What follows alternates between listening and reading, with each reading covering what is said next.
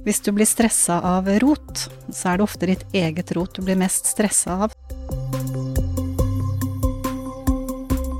Vi skal snakke om rydding i denne podkasten i dag. Eh, jeg har med meg Susanne Borg, som er leder for tredje etasje på Sølvberget, hvor uh, bl.a. ryddebøkene våre står. Og Mette Langeland, som er leder for eh, biblioteksamlingen vår. Som er på en måte sjefen for alle bøkene.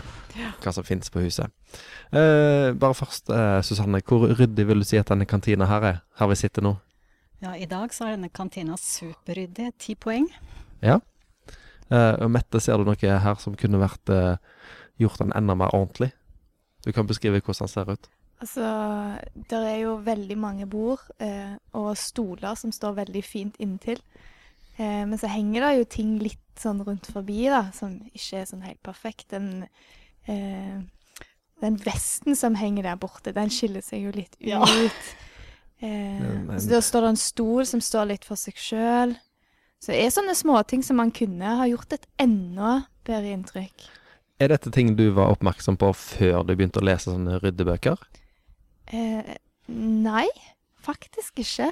Jeg har blitt litt bevisst på hvordan de små detaljene gjør at et hjem ser ryddigere ut. Ja. Og at det er, det er, det er veldig små ting som skal til for at du gjør noe stort med, med eh, rote... Altså hvordan du ser på rotet. Nettopp. Ja. Kan, har du noen eksempler fra eget liv? Ja, for eksempel på badet, da. Eh, så, kom, så har du kjøpt en ny pakke med doruller, og så har de sin plass der du moser de inn. Eh, men hvis du tar av plasten først, så ser det utrolig mye ryddigere ut enn hvis den plasten er på. Ok. Mm. Ja. Men plasten bidrar til, til at det ikke plutselig flyter ut og detter ned? Så ja. de holdes i en, en veldig sånn fire, ja, fire ganger tre-enhet. Ja, men hvis du tar av plasten, så er alt hvitt. Men hvis plasten er på, så er det utrolig mange farger, da. Nettopp. Mm. Hmm. Ja, altså vi skal snakke om ryddebøker i dag, for det er en av de store trendene innenfor eh, selvhjelpslitteraturen. Det, det skrives masse ryddebøker både på norsk og engelsk. Vi har samla noen på bordet foran oss. Jeg sitter i Listelykke, uh, og ikke minst disse bøkene til eh, japanske Marie Kondo, som heter annet Magisk opprydning. Eh, Susanne, du er jo her som en uh, autoritet på feltet rydding, har vi blitt fortalt. At du har, har det veldig ryddig hjemme hos deg, med mye romklang. Uh, Hvor mye finner du i disse ryddebøkene som du ikke visste fra før? Nei, jeg hadde et par år siden tok et sånt lite oppgjør, og um, sammenheng med litt oppussing, så var det nødvendig, for vi skulle ta i bruk en kjeller som var full av rot. Så da ble jeg utfordra på det å kaste og det å rydde. Det hadde ikke vært sånn veldig sterk side, men jeg fant ut at det gikk jo kjempefint, og har ikke savna en eneste ting. Så jeg har prøvd meg på litt sånn rydding. Nå har jeg sett i to av disse bøkene, både 'Listelykke' og 'Rydd deg lykkelig'. Og jeg må jo si at jeg eh, eh, I en av de to bøkene så var det et, et tips som jeg kanskje burde ha eh, kommet over tidligere i livet, når det var en sånn fase med tre små barn og kaos og rot overalt. For der står det noe om at eh, hvis du blir stressa av rot, så er det ofte ditt eget rot du blir mest stressa av. Sånn at hvis du rydder i dine egne ting, passer på at du har ryddet i ditt klesskap, at du vet hvor ditt pass er, at du har kontroll på fjellutstyret ditt, og ordner det først, så oppleves ikke andres rot så veldig stressende. Så det syns jeg var et godt tips. Men, men hvis en lever med tre små barn, så har en jo ansvar for deres rot òg, til en viss Mhm. grad. For ellers så kommer de seg kanskje ikke på skolen eller på, på fjellturer eller hvor det nå er. Nei, men sånn som det var, da, så var det jo sånn at jeg var vel kanskje pakkesjef, pakte for alle. Og så når jeg skulle pakke for meg, så var jeg sliten, og så fant jeg ikke ting, og så ble det plutselig helt umulig. Nettopp. det var alltid noe jeg ikke fant. Det var skisokker, eller så var det nikkersen min. Mm. Ja. Så det å begynne med seg sjøl, litt sånn som på fly, med oksygenmaske og sjekke at du er på plass, eller at jeg er på plass, og så ta resten av familien. Nettopp. tror det er et godt tips. ja. Det var lurt. Begynn med eh, eget eh, rot og få det i vater, og så har en eh, noe å gi til andre. Ja. Ok, men vi kan bare ta det med en gang. Er det mulig å ha et ganske ryddig hjem hvis en har eh, små barn? Kan du avkrefte det, sånn at vi slipper å ha dårlig samvittighet? Nei, altså Så noe er jo koselig rot. Sånn aktivitetsrot er jo litt trivelig at det bor folk i huset. Og så er det jo det å ikke finne ting som er stressende rotet. Det er tida på å lete, tid på kaos. Jeg vil dele det i to forskjellige, to forskjellige grupper. Så det er mulig at man jobber litt med det der finne igjen ting-rotet. Mm. Det er viktig. Men så tror jeg man har litt høy terskel for det der eh, litt sånn aktivitet. At det er faktisk liv i familien, og det skjer ting. Det, sånn tror jeg det må være. Ja. Koselig rot. Det var Koselig rot. Ja. Eh, har dere noen ideer om hvorfor det kommer så mange bøker om rydding nå, og hvorfor de selger så bra? Vil du Hva tenker du, Nei, Mette? det Er det, liksom, er det blitt sånn altså- kult å ha det ryddig? Før var det liksom den, eh, den, den liksom skapende bohemen hadde det fullt av kaos rundt seg. Det var et tegn på at du var en eh, fri sjel som ikke lot deg binde av konvensjoner. Mens i dag så er det mer sånn Og rydding, det betyr at du har det ro inni deg. Ja, så er det kanskje òg litt et miljøperspektivet. At, eh, at man skal ikke ha så mange ting. For det betyr jo at man forbruker ekstremt mye, og det er, er jo ikke bra, da. Eh, Så det kan ha noe å si, da. Så har vi jo veldig mange ting. Men er vel i hvert fall jeg, min generasjon. Jeg hadde jo foreldre som var sånn etterkrigsbarn, som brukte veldig mye energi på å samle seg ting. Det var jo veldig mye de trengte, og det var jo veldig sånn Fikk bil og TV, og det var jo stort. Mm. Mens jeg har jo alltid hatt alt jeg trenger, og så ble huset helt fullt etter hvert. Ja. Så det kan jo være en liten sånn som jeg har rett og slett for mange ting. Ja. Og setter ikke pris på de tingene man har, fordi man har så utrolig mange. Mm. Mm. Når dere har lest i disse bøkene med omrydding og husorden, hvor, hvor sentralt er miljøperspektivet da? Altså, er, sånn som Marie Kondo, når jeg har bare lest om de bøkene hennes, så mm. skriver liksom at du skal fylle søppelsekker med det som blir til overs, og bare kaste det. Mm. Det er ikke sånn at du skal liksom, gi det bort, eller re resirkulere det, eller sånne ting. Eh, nei, det syns jeg egentlig det er litt lite om, hvordan du Miljøperspektivet. Men det, eh, det handler jo aller mest om det om at man ikke skal eh, ta inn masse ting. Det Ja. føler jeg det er mye av, og det er jo veldig på det der Ja. miljøperspektivet, da. For da er vi mer på disse som heter shoppingfri og, og disse bøkene her. Ja. Som, Ja. en unngår jo mye av problemet hvis en lar være å dra med seg ting inn. ja. Da har en vært i forkjøpet. Men man må jo, man må jo altså Hvis man skal rydde opp, så må man jo kvitte seg med ting. Og det må man jo gjøre på en fornuftig måte. Og det syns jeg det jo der er litt om i disse eh, bøkene om at, at eh, liksom gi de til loppemarked eller bla, bla, Ja. bla. Men eh, mange av de tingene som jeg har kvittet meg med, det er jo bås. Ja. Altså egentlig. Og jeg Ja. kan ikke se for meg at noen andre vil ha, ha glede av sånn halvødelagte ting som jeg har bare beholdt fordi at eh, Ja. det bare var sånn. Ja. Nei, det er, ikke, det er ikke mye fokus på miljø i de bøkene. Altså min oppfatning, da. Men det, det har litt mer sånn uh, Altså henger tettere sammen med dette med mindfulness og dette med å leve i Mm. nuet og dette å ha ro i hodet. Mm. For det ligger nærmere det. Kan, kan dere si litt om eh, metodene som eh, disse forfatterne lanserer? Hva, hvordan går en fram for å gå løs på alle tingene sine og, og uh, finne ut hva en skal beholde og hva en skal kaste? Kan dere ta litt Altså, om det? det er jo det som jeg syns var veldig vanskelig med disse bøkene, da. Altså, nå Jeg har virkelig ikke fullført så mye av dette, da, men jeg tar liksom til meg liksom små eh, småtips innimellom. Men det som er liksom den store greien som er i alle, er jo kast. Altså, du må bare grave ut alt du har, og så må du kaste og kaste og kaste. Men, men etter hvilke prinsipper da? Nei, det er jo akkurat det, da. Altså, du skal jo eh, Det er vel i den eh, til hun Marie Kondo at du skal holde på et objekt, og hvis det ikke gir deg gode følelser, så skal du kaste det. Men du får jo ikke gode følelser av alt på kjøkkenet, eksempel. Men jeg trenger jo en ostehøvel, selv om jeg ikke liksom kjenner det inni, inni meg at den var veldig god. Liksom. Ja. Men hvis du har fem ostehøvler, da kanskje en av Så- de litt mer eh, Ja, men da tenker jeg, da må jeg jo ta den som funker best. Den som skjærer best. Altså, Ja. Så det er litt eh, Ja, men eh, Man skal tenke på følelsene, men så Ja. Men altså, Og litt fornuft, tenker jeg. loft og kjelleroppbevaringsplass er jo bare ting som jeg kommer med en Mm. sjelden gang. Type, jeg har ei vifte på loftet som jeg brukte sist gang i 2008. Og det var rett før yngste datter skulle bli født. Og da var det sånn hetebølge i Stavanger. Og Mm. det var liksom to uker til termin, og den har stått der siden det. Og vi har ofte tenkt at den skal ut, men det har ikke skjedd ennå. Og plutselig, Plutselig blir det hetebølge. plutselig blir det hetebølge. Ja, og det er jo òg litt sånn som jeg syns er litt vanskelig da med dette her, er jo at eh, det er så mye fokus på at du skal kaste. Men det er jo veldig mange ting jeg bare har lyst til å beholde òg. Og så vil jeg ha tips til hvordan jeg kan beholde disse tingene på en mest mulig fornuftig måte. Hvordan, hvordan rydder jeg hjemmet mitt med tingene, og ikke bare hvordan kaster jeg tingene. Mm. Nettopp. Og det syns jeg ikke jeg har fått nok ut av av en del av disse bøkene. i hvert fall. Nei, for de er jo ikke enige, da. Det er jo en som mener at du skal sortere og kaste etter kategori. Så du skal ta fram alt du har av klær fra absolutt alle rom. Og så skal du begynne å rydde. Og den, den andre mener jo at du skal ta rom for rom. Nettopp. Så det er jo tydelig ikke noe fasit, Ja. i hvert fall, Nei. på akkurat Dette kjenner jeg igjen fra eget liv. Skal, jeg, skal jeg rydde hele kjøkkenet først, eller skal jeg eh, ta mer eh, første etasje?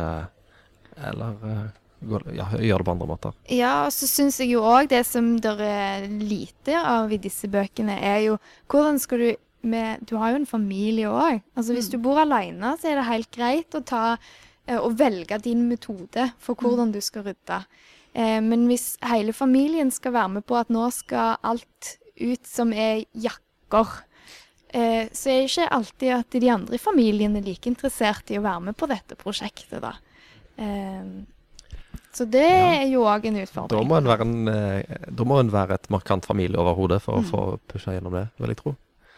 Ja. Ja. Og det, selv om en er det, så er det ikke sikkert at alle har så lyst til å være med på å rydde. Nei. På denne måten, da. Så grunnleggende.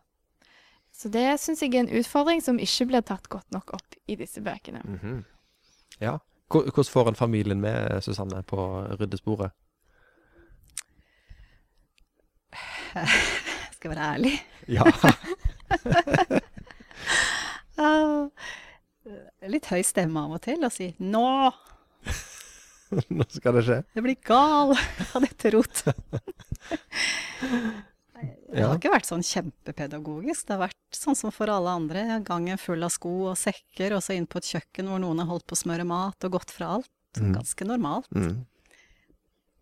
Tror jeg har prøvd alt. Sånn her positivt med litt sånn belønning, noen sånne kryss og stjerner på skjemaer, betaling og Og det som virker, er det er jo, Jeg syns det som har virka, har vært bare å gi beskjed 'nå skal vi rydde'.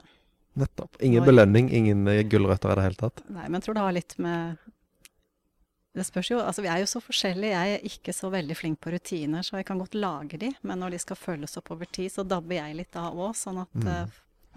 Det har vært litt avhengig av at nå har jeg lyst til å rydde òg. Ja, nettopp. Sånn at én må dra det litt i gang. Ja. Jeg har ikke noe magisk medisin for dette her. Nei. Nei, men jeg kjenner at jeg tok veldig til meg Susanne sitt råd nå, som hun har lest, da, Mm. om å begynne med ditt rot. Ja.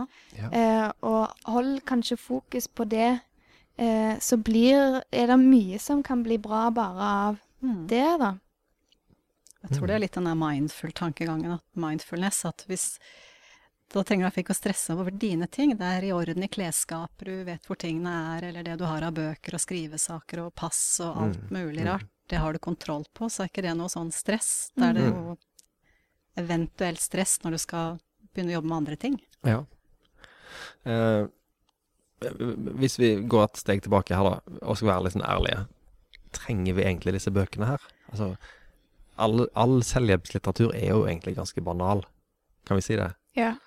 Altså, hvis jeg uh, syns jeg har dårlig råd, så må jeg se hvordan jeg bruker pengene og sette på et budsjett. Mm. Dette trenger jeg ikke lese en bok på 250 sider for å finne ut. Jeg, altså, Nei, men det er kanskje det å lese den boka som er det lille støtet for å komme i gang, da. ja. For jeg har jo lest veldig mange av disse ryddebøkene, men Mhm. jeg har jo ikke fullført nesten ei eneste ei. Eh, fordi at eh, det Da datt jeg av, da gadd jeg ikke mer. Dette var ikke min strategi. Mm. Men jeg har ei bok som jeg har fullført, ja. eh, og det er eh, Synnøves system okay. av Synnøve Skar Skarbø. Skarbø. Eh, og den likte jeg, og den har jeg nå lest fra perm til perm, og det var der jeg fikk mest råd. Mm. Eh, og, og nå har jeg lagt den på nattbordet til samboeren min. Så skal jeg se om han leser den. Nettopp. For det er den boka om hvordan denne eh, TV-kjendisen Synnøve Skarbø får et barn og blir deprimert, er det riktig? Ja, Og så må hun finne et slags fotfeste i livet. og. Da rydder hun. Og da rydder hun, og så lager hun et system på det. Og det som jeg likte så godt med den boka, det var jo at den boka var ryddig. Åh. Altså, den var, Yes. det var ikke for mye tekst, og mange av disse bøkene har altfor mye tekst. Eh, Det er bare Du skal liksom bare lese det nesten som en roman, og det skal du ikke. For her var det skikkelig oversiktlig, små, konkrete råd til hvert rom. I stedet for mange sider til badet, så var det liksom ti råd. Hvordan holder du det ryddig på badet? Ja. Og da er det mulig å komme gjennom, da. Mm. Eh, også i slutten av boka så var det noen sånne eh, Hvordan takler du eh, samlivet når du er en som er ryddig, og en som er rotete? Og, ja. og hvordan rydder du med barn? Og så sto det litt om barns utvikling, der jeg liksom lærte at, eh, at eh, mine barn hjemme, de er ikke eh, Så lenge de ikke er voksne, så er det ikke alt de vil forstå av hvorfor vi skal rydde heller. Fordi at hjernen er ikke utvikla dit ennå. Litt sånn Var det sånn vitenskapelig bevist, eller Nei, var det det. Skarbø-teori? Det, det var nok bare, kanskje bare en skarbeteori, Ja. men det fikk meg til å tenke kanskje Ja. jeg ikke skal ha så høye krav til barna. Nei. Men eh, altså, en ting er hvis de er under skolealder, men når de begynner å bli tenåringer, så er det Ja. gjerne deres ganske utvikla. Ja, men de kan, for, de kan nå et visst nivå på rydding, men de kan ikke nå Synnøve Skarbø-nivå. På rydding, tenker jeg. Nei, OK. Men jeg syns at de helt de minste de vil jo gjerne være med å rydde, de syns det er litt gøy. Så kommer det en periode hvor de rydder, men så kommer jo tenårene hvor det blir helt håpløst. Ja, for det sto òg, da, at når de kommer til tenårene, så faller de jo egentlig Helt helt tilbake Ja. igjen. Da, da, må du, da må du hjelpe dem, for da er de Det er ikke da en skal la de steke sitt eget rot, liksom, i tenårene, bare. Sove Nå kan i sitt se, eget Nå kan du se, sånn går det. Nå um, får de ikke Nei, i denne boken så var iallfall rådet da må du hjelpe dem, for da er de i så vanskelig livssituasjon uansett at du må rett og slett hjelpe dem Jeg litt. tror jeg vil se hjemme hos Synnøve Skarbø om ti år, om hun holder, holder fast ved den filosofien. Men hun har jo vært ute med noen sånne små videoreklame for et firma som har ligget på Facebook. Ja. Og jeg har faktisk stjålet et par råd av henne der, for Ja, annet å brukes tynne sånne metallkleshengere. Det er kjempelurt. Det blir mye bedre plass i skapet. Vet dere Ja. Jeg har kjøpt 20 stykker de de, jeg òg. Dette blir nesten litt flaut. Så ryddeprosjektet begynte med at du måtte kjøpe noen nye ting. Altså, du kjøpte Du skal jo kvitte deg med ting, men du kjøpte nye Ja, ja, det, er det skjer alltid at du kjøper noe i, i en rydding, altså. Det har jo vært flere turer til Ikea. ja, nettopp. Mm. For å rydde. Ja, for å kjøpe noe jeg kan Ha ha ting tingene i. i. For jeg skal jo ikke kaste alt. Jeg skal jo ha system i Mm. tingene mine, for jeg vil ha tingene mine. Ehm, kan jeg få to gode ryddetips fra hver av dere, så dere har, enten har eh, bare kommet på sjøl, eller har lest? Det er jo å gjøre Det som bare tar to minutter å gjøre, det gjør du med en gang. For hvis ikke, så For hvis ikke så tar det jo ti minutter hvis du har samla opp mange tominutters ting. Og da må du bruke lengre tid. OK. Altså, det, hvis du har brukt noe på kjøkkenet, så legg det tilbake igjen, for det tar mindre enn to minutter. Men hvis du samler opp mange ting, så vil det ta lang tid å rydde opp. Ja. Jeg er jo enig med Mette, selv om det er utrolig vanskelig. Men jeg tenkte på eh, Hvis du, når du skaffer deg noe nytt, så må det gå noe ut. Det kan være en god regel at eh, OK. For hver noe ting nytt inn, så skal noe ut. Så noe ut. Prøve å være bevisst på det. Ja. Ellers så vil det jo bli fullt igjen. Mette Er ser litt forskrekka ut. Ja, den syns jeg er kjempevanskelig. Den har jeg tenkt litt på, for den står i mange av bøkene. Ja. Men den, det er veldig vanskelig. Ja. Mm. Hvis du kjøper deg en genser, så må du tenke på OK, Men gjelder dette mer sånn høyverdige ting som eh, musikk eller bøker og sånt òg? nei, men jeg har tok et raid inn Det er noe med bøker òg. Det er ikke alt som skal bli stående i bokhylla. Mm.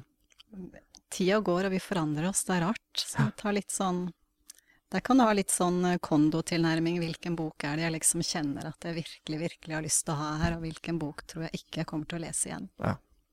Det kan det kanskje funke, Mette. Mm. Ja, jeg skal tenke litt litt på den. Ja.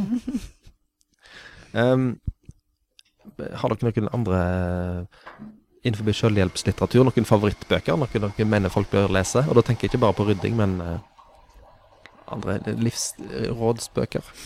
Um, nei. Nei. Nei, for innen, altså innen uh, selvhjelp så tenker jeg det er best å lese en skjønnlitterær roman. Det er det som er selvhjelp. Det er da du utvikler deg. Det er da du får nye uh, tanker om hvordan du kan leve bedre, fordi du leser om noen som uh, har kommet lenger enn deg, eller er noen som sliter mer enn deg, og så får de noen råd på veien, eller Ja. Eller du bare leser en god setning som gjør at ah, sånn vil jeg òg ha det i livet.